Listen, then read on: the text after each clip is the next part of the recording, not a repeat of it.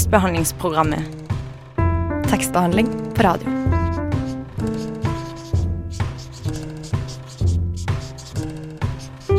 Tekstbehandlingsprogrammet.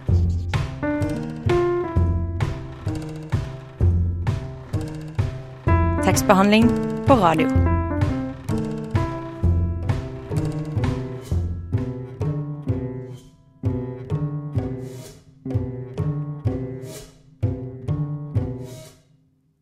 Selv om det eh, virka som om våren var nær et øyeblikk, så har det plutselig blitt kaldt ute igjen.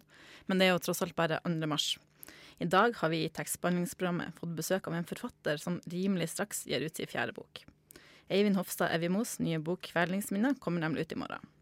Senere i sendinga skal vi også få et gjenhør med spalta Kanon, eller Kanon, fra i høst. Jeg heter Stine Spjelkavik Hansen, og med meg i studio har jeg deg, Robin van de Valle. Ja, det stemmer. Og det er jo helt sant at det er fryktelig kaldt ute plutselig. Um, syns også det. Men det er litt kult å bare sitte hjemme da, sitte inne og lese bøker, syns jeg. Ja, hva har du lest i det siste, da? Um, akkurat nå så leser jeg en bok av um, E.L. Doctorow. Den er på pensum, da, men den er skikkelig god. Uh, den heter um, Book of Daniel. Ja. Skrevet på 70-tallet og handler om uh, kaldekrigen. Så Ja, den, er, det- den er kul. Det høres spennende ut. Ja, Hva med deg? Ja, nei, Jeg har nettopp begynt å lese en del tegneserier igjen. da. I Ja. tillegg til at jeg nettopp har lest eh, boka til gjesten vår. Eh, og det høres jo kanskje makabert ut, men jeg tror vi begge to gleder oss til å snakke om kveldens minne. Men eh, først skal du, kjære lytter, få høre 'Move' av Ratboy. Tekstbehandlingsprogrammet når du har lyst til å lese med øra. Det var Ratboy med sangen 'Move'.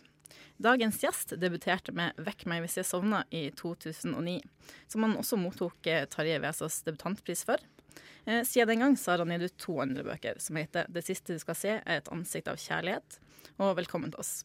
Velkommen til oss her i tekstbehandlingsprogrammet, Eivind Hofstad Evimo. I morgen kommer 'Kvelningsminnet'. Hva handler den boka om? Ja, Det er jo det store, vanskelige spørsmålet, da. Eh, Jeg har egentlig lyst til å stille spørsmålet tilbake. Hva syns du den handler om? Nei, det er, det er vanskelig å svare på. Nei, altså, Det- altså det, Jeg føler at den er Eller jeg har i hvert fall forsøkt å skrive det flere Altså flere, det er flere narrative um, eh, åra i diktsamlinga. Den ene, og kanskje tydeligste, er vel historien om en eh, familie som eh, eh, Der det er en, et familiemedlem som flytter på en institusjon. eh, og eh, det livet Det etterlivet den familien får, eh, og det livet det her mennesket får på denne institusjonen. Eh, og, og jeg tenker at det er kanskje den, den, den grensa som har vært mest interessant i det prosjektet her. Hva er det som skjer med oss mennesker i det øyeblikket vi enten blir eh, ja, syk, eller eh, at det oppstår utfordringer i livet som gjør at vi er nødt til å flytte ut, eller å ikke å løse eh, forbindelsen til vårt opprinnelige hjem. Da. Eh, og interessert i denne unntakstilstanden hvor man er på institusjoner, og hvordan man innretter seg, og hvordan man eh, Hvordan det endrer liksom livet ditt. da. Og, ikke bare for den som sitter der, men òg den familien som er nødt til å forholde seg til at vi klarte ikke å, å, å dekke altså alle livskrav. Da. Vi, er nødt til, vi var nødt til å gi slipp på det her mennesket.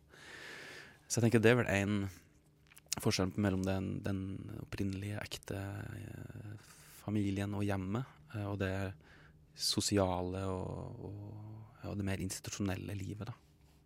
Det er kanskje er to kontrastene jeg har vært interessert i. Ja. Og så er det jo flere ting. Jo, jeg vil jo også at det er en slags familiehistorie her, som er knytta til ja, en barndoms barndomshistorie. Eh, Det er noe alt fra besteforeldre til eh, ja, mødre og fedre som, som går inn og ut av hus og landskap. Og.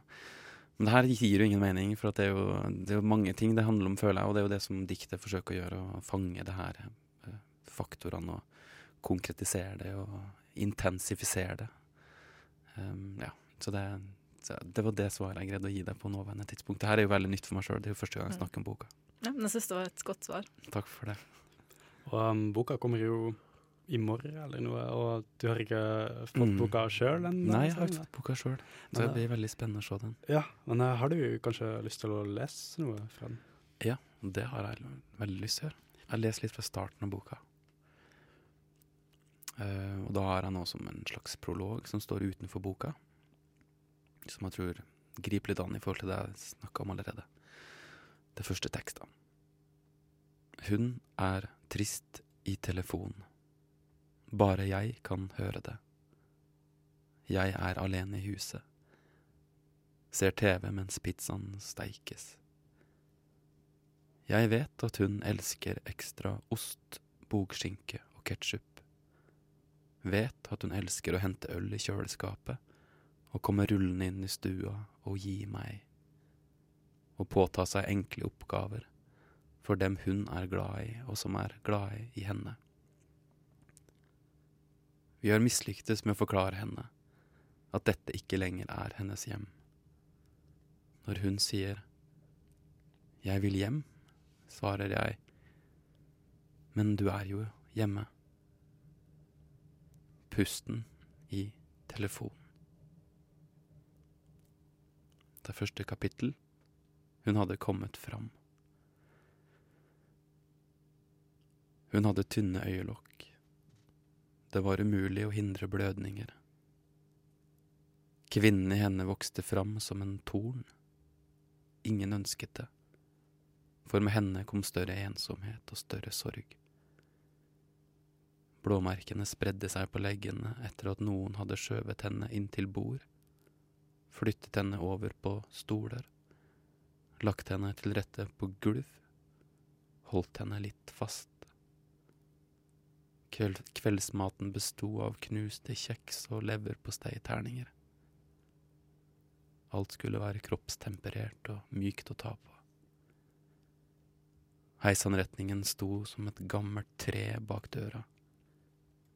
Den gikk ikke helt igjen. Lys slapp inn.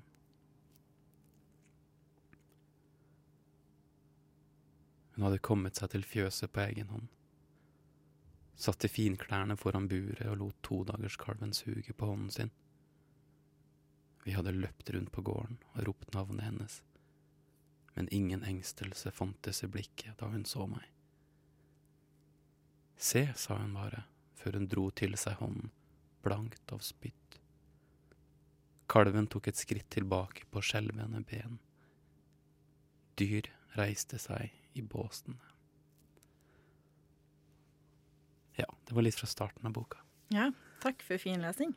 Takk. Nå skal vi høre på norske Sofi Lofis andre singel, som heter High Low.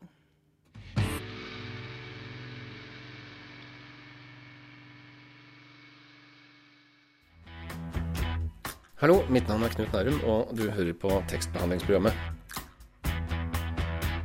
Jeg går i hvert fall ut fra at du gjør det. Sangen vi nettopp eh, koste oss med, het High Low og var av norske Sofi Lofi. Eivind Hofstad Evimo, vi snakker om den nye boka di. Eh, Jeg lurer litt på hva slags likheter og ulikheter vi kan se hvis vi sammenligner den med dine tidligere utgivelser. Hva, hva Ja. du tenker da? Ja, jeg tenker i hvert fall at uh, denne interessen for uh, det institusjonelle livet, kanskje. Det er en ting som jeg i hvert fall skrev om i det siste du skal se, er et ansikt av kjærlighet. Ja, hvordan ja,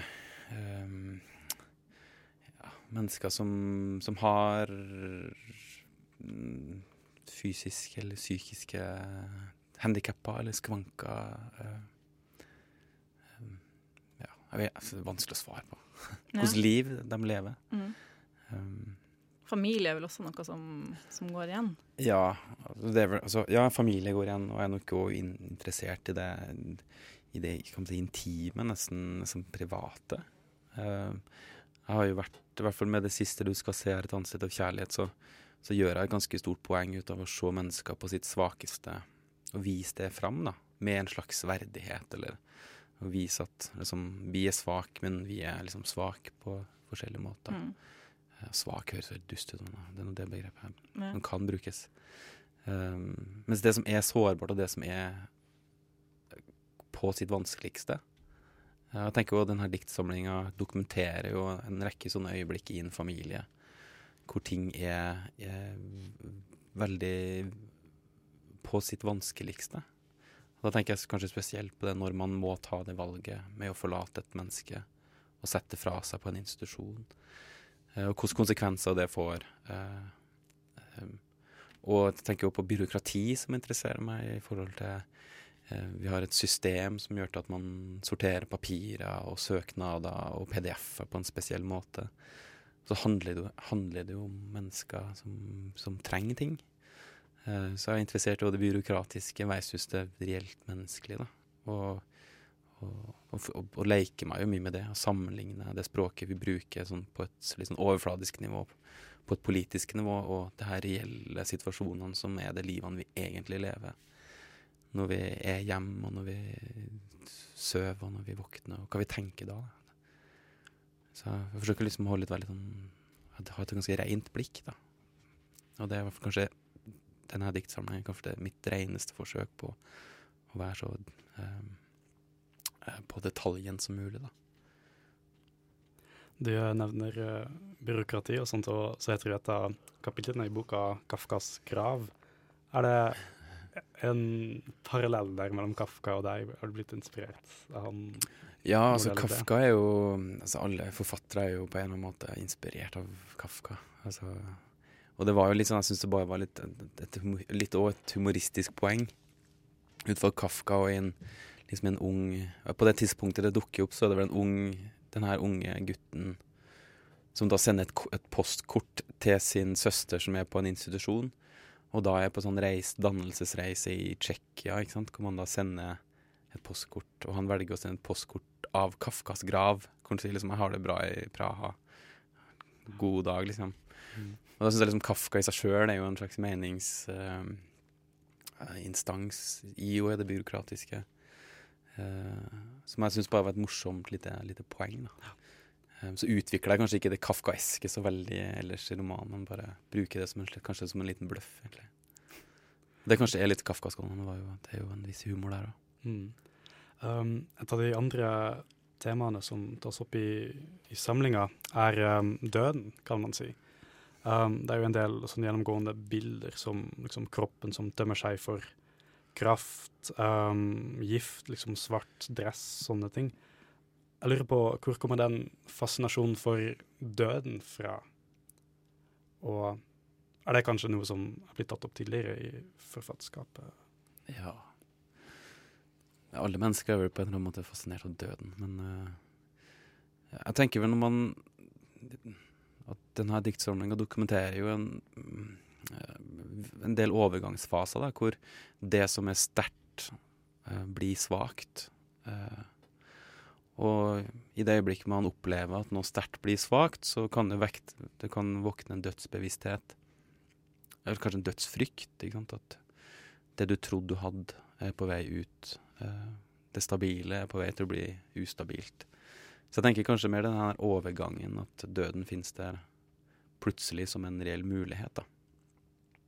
Eh, som har vært som interessert meg, ikke døden som filosofisk tankegang eller som begrep for oss mennesker, men rett og slett døden som fornemmelse, kanskje. Det, som, og ja, som sagt som en svakhet. Det, ja.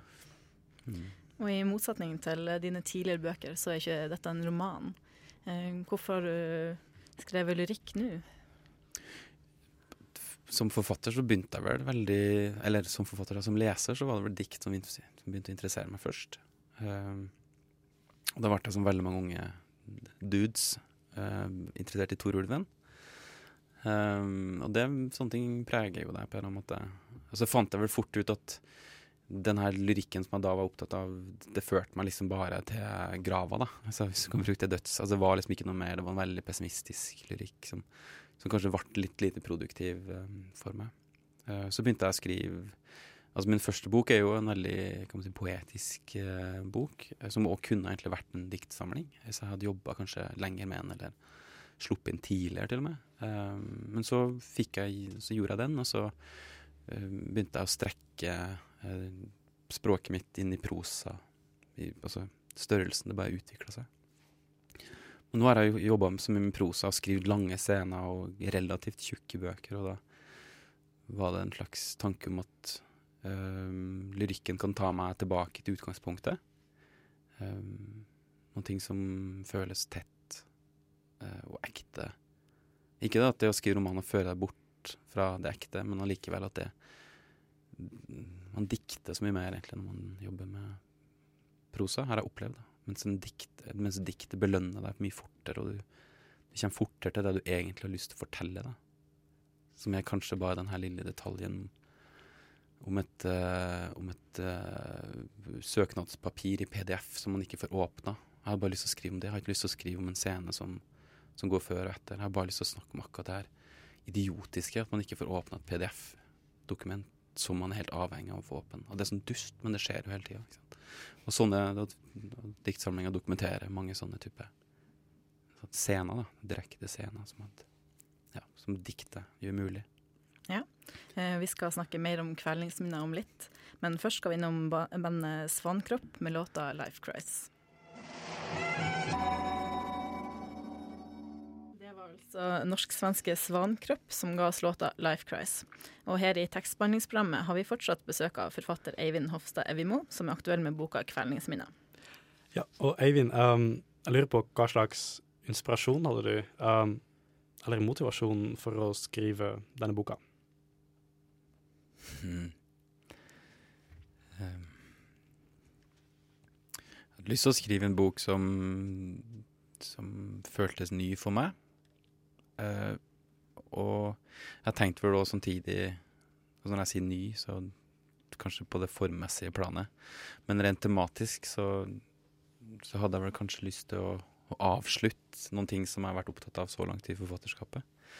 Det som vi har snakka om, om det her i institusjonelle og byråkratiske og individet versus det her kollektivet som jeg har vært opptatt av. Og, men jeg har lyst til å liksom legge det litt ifra meg for å komme inn i en ny, ny fase i forfatterskapet, hvis jeg kan si det.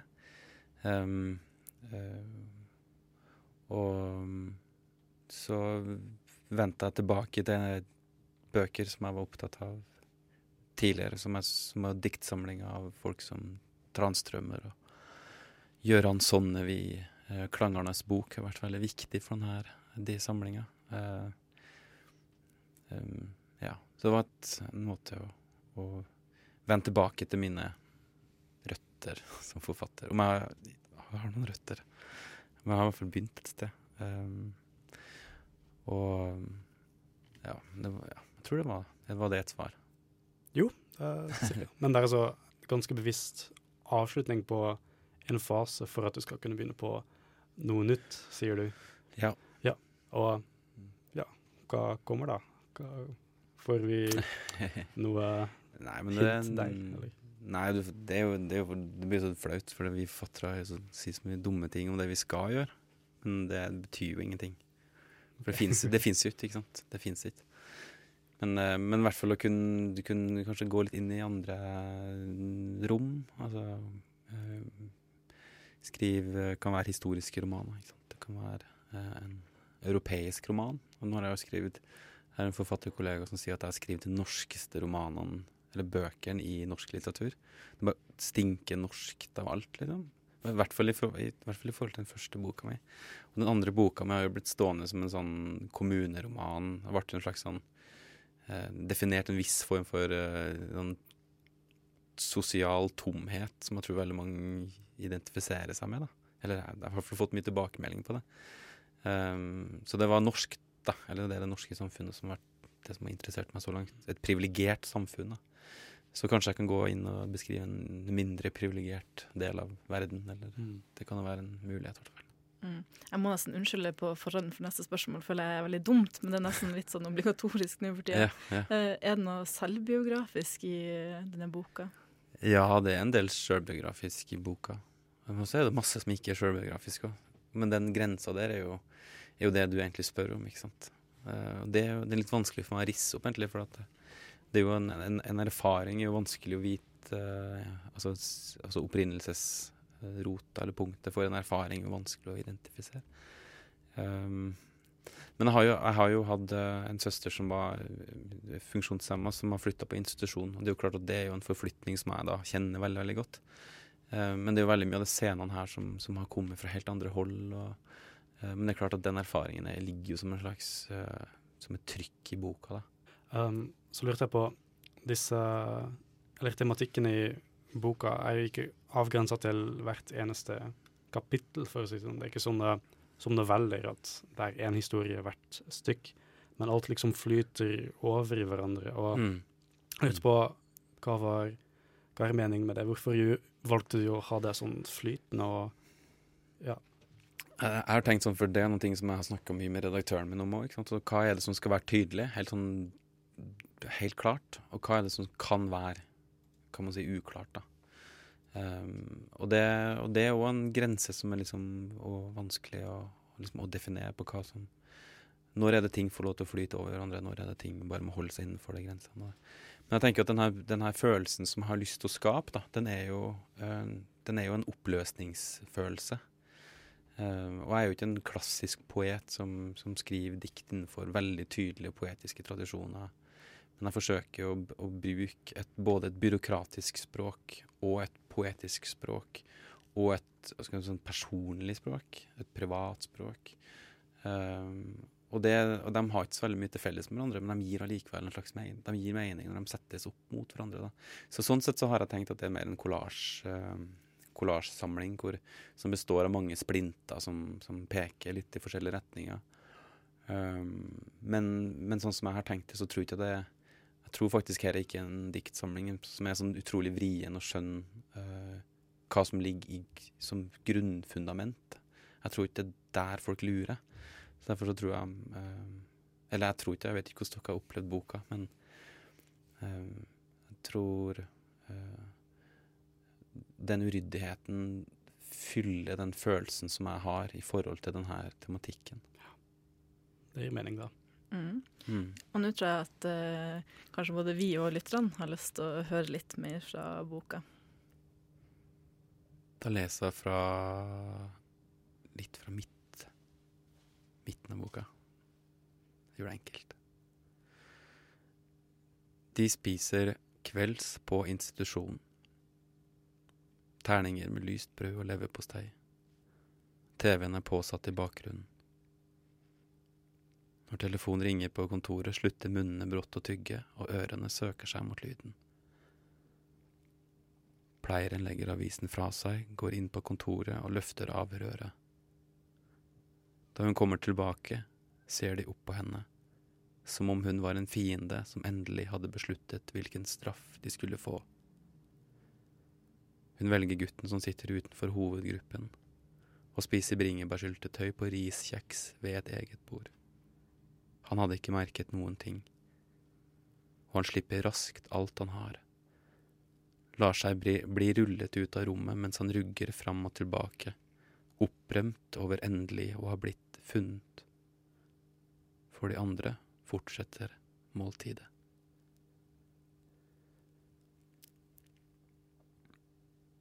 Jeg er var for meldingene du sender meg. Jeg leser alle flere ganger. Jeg er var for hendene som griper rullestolhjulene, for dine nye venner på institusjonen. Jeg er var for hvordan du, hvordan du, behandler henne som ikke engang har et språk, hvor foreldrene til slutt ikke orker mer og går hvert til sitt. Du har et språk. Du presenterer henne. Se, sier du til meg, dette er Anne. Og Anne smiler. Stikker tungen ut og berører plastrøret som snirkler seg inn i det ene neseboret. På den måten er det du som løfter henne inn i det menneskelige. Som et insekt som slippes ut av en krukke.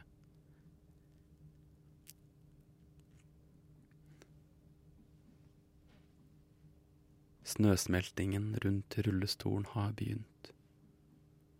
Vårlukta slipper inn i gangen. Nei, tro om igjen. Det er vinter. Det er most mat i trusene. Mamma er oppe og går. Pappa er oppe og går.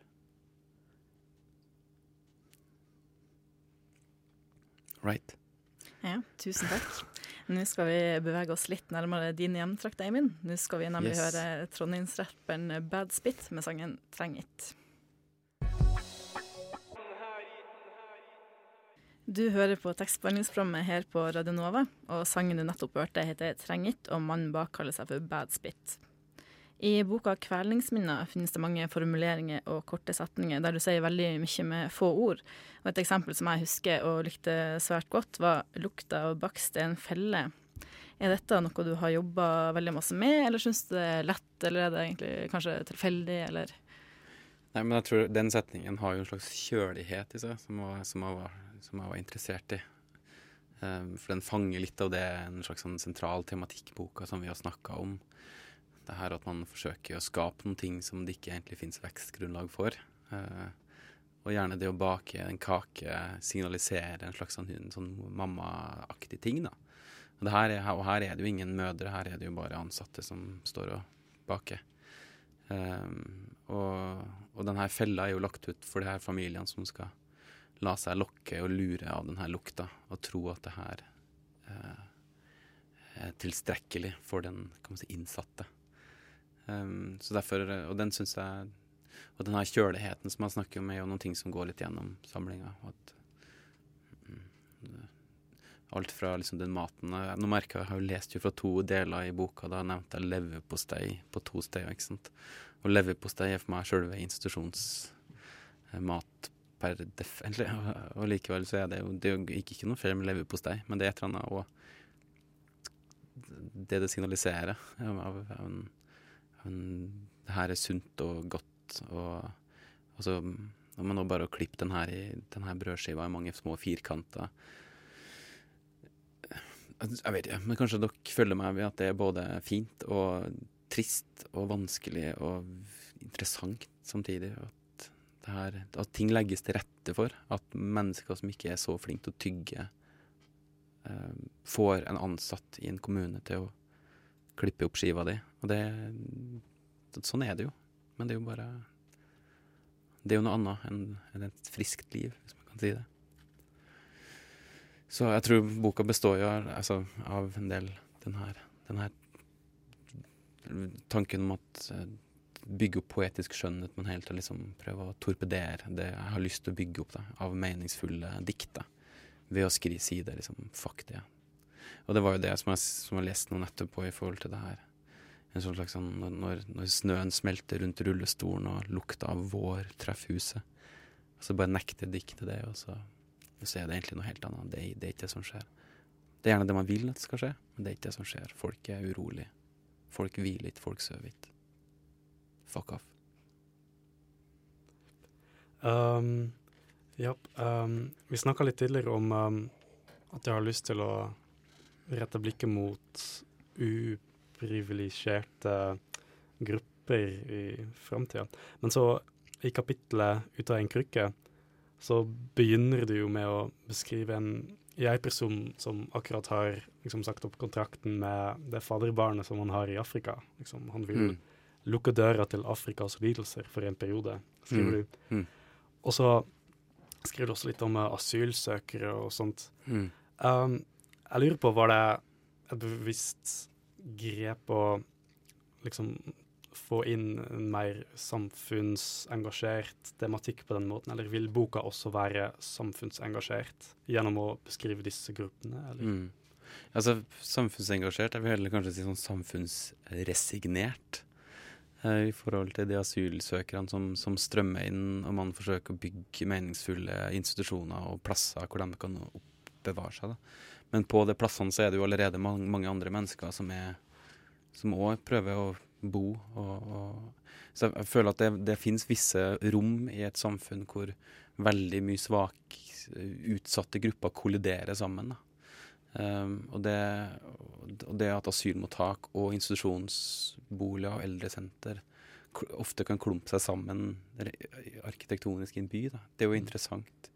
For at man liksom samler, altså kommunen skal ha en oversikt. da. Um, men det fins jo den her tanken om at verden og strømme inn, eh, er jo en ting jeg inviterer ganske tydelig inn i boka ved å beskrive scener fra et asylmo- eh, asylmottak, en institusjon for funksjonshemma i Aserbajdsjan, i Baku. Eh, som jeg òg da, for å hacke tak i den biografiske linken, så har jeg jobba eh, med funksjonshemma i Aserbajdsjan. Og da, egentlig uten å gjøre så altfor stort poeng ut av det i boka, allikevel har lyst til å si, at, eh, si noe om utsatte grupper eh, andre steder. At det er jo interessant å sammenligne med de utsatte gruppene her. Eh, og at det finnes ulike grader av utkastelse av, det, av, et, av, et, av, et, sosialt og godt liv. da. Og det her opplevelsene jeg har fra Aserbajdsjan, er jo selvfølgelig et sånn helt, en helt annen bunn. Da. Altså, for der, der, er jo mørket så totalt. ikke sant? Det er jo totalt. Folk er jo helt overlatt. Folk er på, en, på et steingulv, liksom. Og spiser fra bøtte. ikke sant? Og det, det er et slags, slags nullpunkt. Mens det som er hovedtematikken i boka mi, er jo en, en relativt vellykka institusjonsdannelse. Eh, men allikevel, det Ja. Allikevel den resignasjonen, da. Hva gjelder den resignasjonen som du foretrekker å kalle det istedenfor engasjement? Ja, men det er for at jeg, har vel kanskje følt at den, det engasjementet var det som førte meg til Aserbajdsjan i utgangspunktet. Eh, og, og, og, det gjorde at jeg gikk der og var en sånn blid dude eh, med blondt hår som trodde jeg kom til å gjøre en så god innsats. Og, men så fant jeg ut at her var det ingenting jeg kunne gjøre. ikke sant? Jeg satt jo sammen med barn som, som uh, som snakka på aseri til meg, og så skjønte jeg hva de sa. Og så spurte jeg min aserbajdsjanske eh, kollega hva er det hun sier. Så, nei, hun spør om du kan føre henne til mora hennes. Uh, hun sitter bare og roper 'mora'. Og da har jeg altså sittet og gitt henne mat og prøvd å skape litt stemning her. ikke sant? Da skjønte jeg hvor, hvor, hvor, tom, noen tomme gester det jeg kunne tilby her. For jeg skulle jo, jeg, jeg satt jo og så på klokka, jeg skulle jo inn til sentrum igjen og ta meg en hvil, for jeg skulle ta meg en middag. Altså, det ble bare så utrolig mye eh, sånn empatikollisjoner som gjorde at jeg mista helt grepet på ting. Og, og jeg har jo jobba med funksjonshemma i Norge og, og har, ikke, har ikke møtt den typen utfordringer, men har òg tenkt på eh, hva er det egentlig man gjør for å møte mennesker som, som, som ikke har en familie som hjelper dem. Hos, eh, hva kan man gjøre for å erstatte eh, altså, tapet på naturlig kjærlighet. da. Um, og, og, det er jo noe man møter på mange områder, føler jeg. Ja. Mm. Nå skal jeg igjen ødelegge stemninga med litt A-listemusikk. Eh, liker dere hiphop? ja. Nå skal vi uansett høre hiphop-inspirert populærmusikk. Dette er I Was Before med låta 'Fixation'. Hallo, Chartersveien her. Jeg passer jaggu meg inn i tekstbehandlingsprogrammet også. Jeg syns at døra bør stå på gløtt. Tekstbehandlingsprogrammet holder døra oppe for alle. Lar du døra di være litt åpen Før vi hørte fra Svein, så hørte vi låta 'Fixation' av IOS Before. Eh, en venn av meg ville ha sagt at i denne boka så har forfatteren sløst med papir. For det er jo noen eh, eh deler som varierer veldig i lengde, noen som er kort og noen som er lengre. Eh, har du arbeida veldig mye med formen på tekstene, og har det skilt seg veldig fra arbeidet med tidligere bøker? Vi har jo vært litt innom det, men ja. Det var en dust kamerat du er. ja. først, først må jeg bare få sagt det. Han utelater jo en del litteraturformer da, ved å komme med det argumentet sitt. Han har vel ikke lest mange bøker i livet sitt. Eh, jo, altså form er jo det, det, store spørsmålet um, når man jobber sånn som jeg gjør. Altså, for at, og som jeg har skrevet romaner, hvorfor kan det her være en roman, eller skal, hva skal det være? Men jeg syns òg alle bøker på en måte skal liksom lade sin form. da. Uh, og, jeg, og, jeg, har jo en slags si, en stil og et blikk som, som ligger mellom altså, å være veldig konkret, men har òg en veldig altså en prosa Har en veldig vilje til å skrive ut scener. da. Og da var det nok en gang om man skulle liksom rydde det ut, eller om man skulle invitere det inn. ikke sant? Og Personlig så syns jeg jo bøker som både har kort og langt um, altså pro, Med kort prosa og dikt fungerer veldig fint. Jeg, jeg liker jo det godt sjøl. Så derfor så tenkte jeg at ja, men det er jo det er jo sånn jeg jobber. Det er sånn jeg liker det. Så da da tillater jeg at det kan være begge formene. Um, så, men det er jo noen ting man jobber mye med. Og, uh, jeg hadde lyst til at det skulle være veldig uh, så konsist. da. Jeg Hadde ikke lyst til at det skulle være assosiativt, f.eks. Som kanskje mine to siste romaner er kanskje litt mer av. Jeg ville at det skulle være en slags konkretisjon, konkretisjon, konkretisjon i hvordan bildene utvikler seg og forflytter seg. Um, mhm. Um, så lurte jeg bare litt på omslaget av boka. Mm. Den eh, ser litt ut som om det er inspirert av litt sånn 80-tallsbøker eller 90-tallsbøker. Okay. Ser litt sånn uh, litt gøy uh, gammeldags ut. Eller ikke på yeah. en slem måte, men Nei, nei, Ja. nei. nei, nei. Men uh, hva, er det bevisst, eller? Altså, det er jo så bevisst at jeg syns det var et fint cover. Jeg har jo jobba ganske tett med hun som har gjort coveret. Og hun har jo kommet med 1000 forslag. Så det er mulig at jeg har en sånn stil, da. Sånn 80-tallssmak. og mulig hun har òg det. Uh, hun er jo eh, totalt oppdatert i hva som skjer, men hun kanskje syns at det var en, en, en fin løsning. Uh, og vi, vi tenkte jo at diktsamlinga har jo ofte så små titler og små, små forfatternavn, så vi tenkte vi skulle sprenge det, da. Og skrive en sånn nesten sånn MacGyver-skriftaktig font på coveret, som vi syntes var litt gøy, da. Um, for å gjøre det litt mer sånn kabusj. Uh, ikke sånn hviskende poesi, da. Um, og så syns vi det liksom var passe tre, sånn liksom både vakkert, men òg trasig, det her gule motivet. Det kunne vært et sånn institusjonsmaleri, samtidig som det kunne være en sånn veldig sånn up to date uh, grafikkting. Så vi likte det. Ja, men det er jo vanskelig, det er jo et slags forsøk. Vi skal jo møte eh, bo- boka skal jo møte lesere og nå, så vi får jo høre om hva som blir stemninga. Mhm. Ja. Og tusen takk for at du besøkte oss her i tekstbehandlingsprogrammet, Eivind Hofstad Evimo. Og lykke til med lanseringa av Kveldingsminnet. Takk for det. Nå skal vi få et gjenhør med spalta Kanon eller kanon med våre tidligere kollegaer Kim Klev og Marie Vallestad. I premieren på uh, den nye, flunken nye spalta, uh, Kanon eller kanon, så har vi altså funnet frem uh, en grønn bok eh, som angivelig den største og fremste og mest grensesprengende eh, kjærlighetsromanen som eh, i hvert fall er skrevet i det 20. århundre. Um, ja. eh, det er ikke Det er jo ikke så lett å si at den egentlig er det. Eh, Nei, jeg, jeg Til å være liksom fremstilt som vår, en av vår tids mest romantiske fortellinger, så syns jeg denne er påfallende lite romantisk. Rett og slett. Og til tross for at den er eh, vanvittig sentimental Mm. og søtladen, Mm. så er den ikke romantisk. Dette er altså Gabriel Garcia Marquez, eh, eh, en av Om ikke den største eh, colombianske forfatteren eh, Ja. som finnes. Eh, Og boken er altså 'Kjærlighet i koleraens tid'. ja. Ja. Veldig, veldig, veldig uinteressant.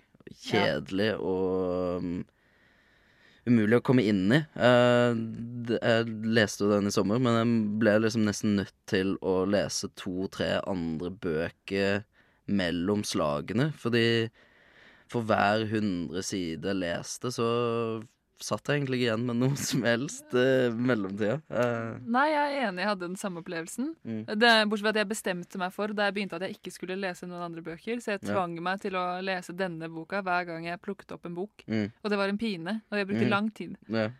Uh, ja. Så hvorfor, hvorfor i huleste har den da blitt kanonisert, som det heter? En klassiker. Det er jo men det er, men det er jo antageligvis derfor Eller det er i hvert fall for min del så er det jo derfor jeg har gidda å lese gjennom hele. Hadde den ikke hatt den statusen, så hadde jo det neppe hendt. Nei. Jeg hadde nok gitt opp. Det tror jeg at det gjelder meg også. Det handler jo om at man på en måte forventer at den skal forløse seg til Mm. noe fantastisk. Mm.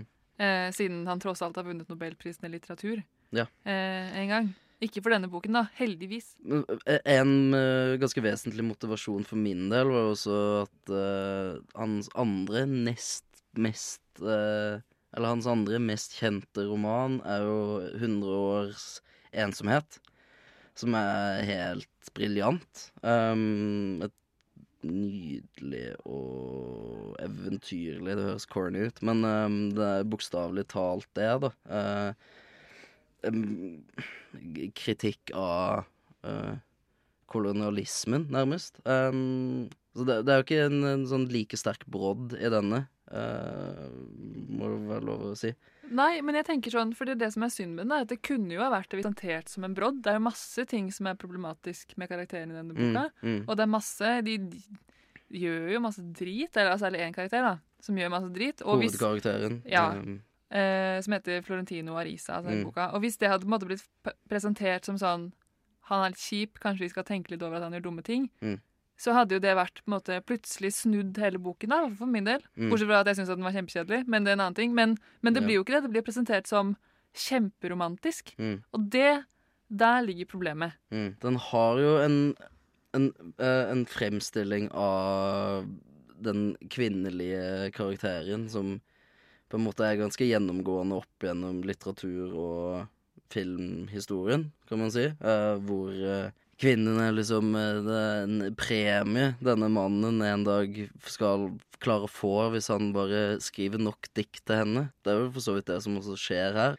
Noe som jeg har bitt meg merke i ofte, da, som jeg syns er skikkelig kjipt, er på en måte at de fremstilles at det er på en måte den vanlige kvinnen er en premie, men så er det pakket inn i en sånn fin gavepakning som man føler Man blir lurt til å tro at kvinnen i boka er liksom en kul dame, da. Mm. Eh, og i forordet i boka så har liksom John Le Carré da, han skrevet et fantastisk uh, Eller jeg syns det er fantastisk, men han syns at denne boka er fantastisk. Mm. Skrevet et forord om det, og han på en måte beskriver at den handler om kvinner. Fordi for Marquez er kvinner de sanne, kanskje de eneste forvaltere av livskraft. Uh, og de forløser oss alle, og aller mest mennene. Og der er det igjen liksom, de, måte, de har masse kraft som de skal forløse oss med, men de skal forløse mennene, sånn at de skal kunne bli så gode menn som mulig. da. Eh, samme poenget. Det er gammeldags. Jeg orker ikke å lese det. Nei. Syns det er teit. Ja. Dritkjedelig. Kjempekjedelig. Eh, så jeg tenker at denne boka, den eh, plasserer vi i kanonen. Ja. Ja, og skyter den til helvete. Ja. Eller i hvert fall eh, kanskje den kan eh, Jeg vet ikke. Jo, skyter den til helvete. Ja, den ja. har ikke livets rett. Ja, jeg håper at denne spalten kan gjøre at folk ikke blir like skuffet over eh, det som tilsynelatende er gode bøker, som vi har blitt når vi leste den. Mm.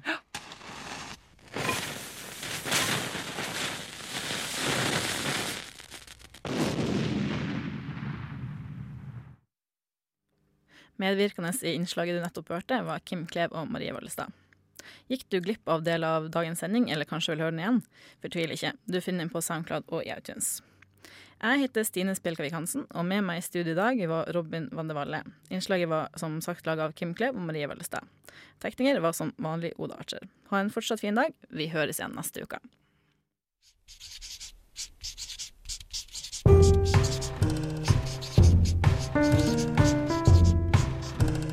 Tekstbehandlingsprogrammet. Tekstbehandling på radio.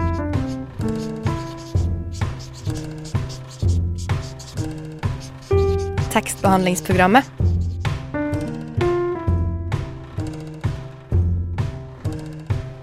Tekstbehandling på radio.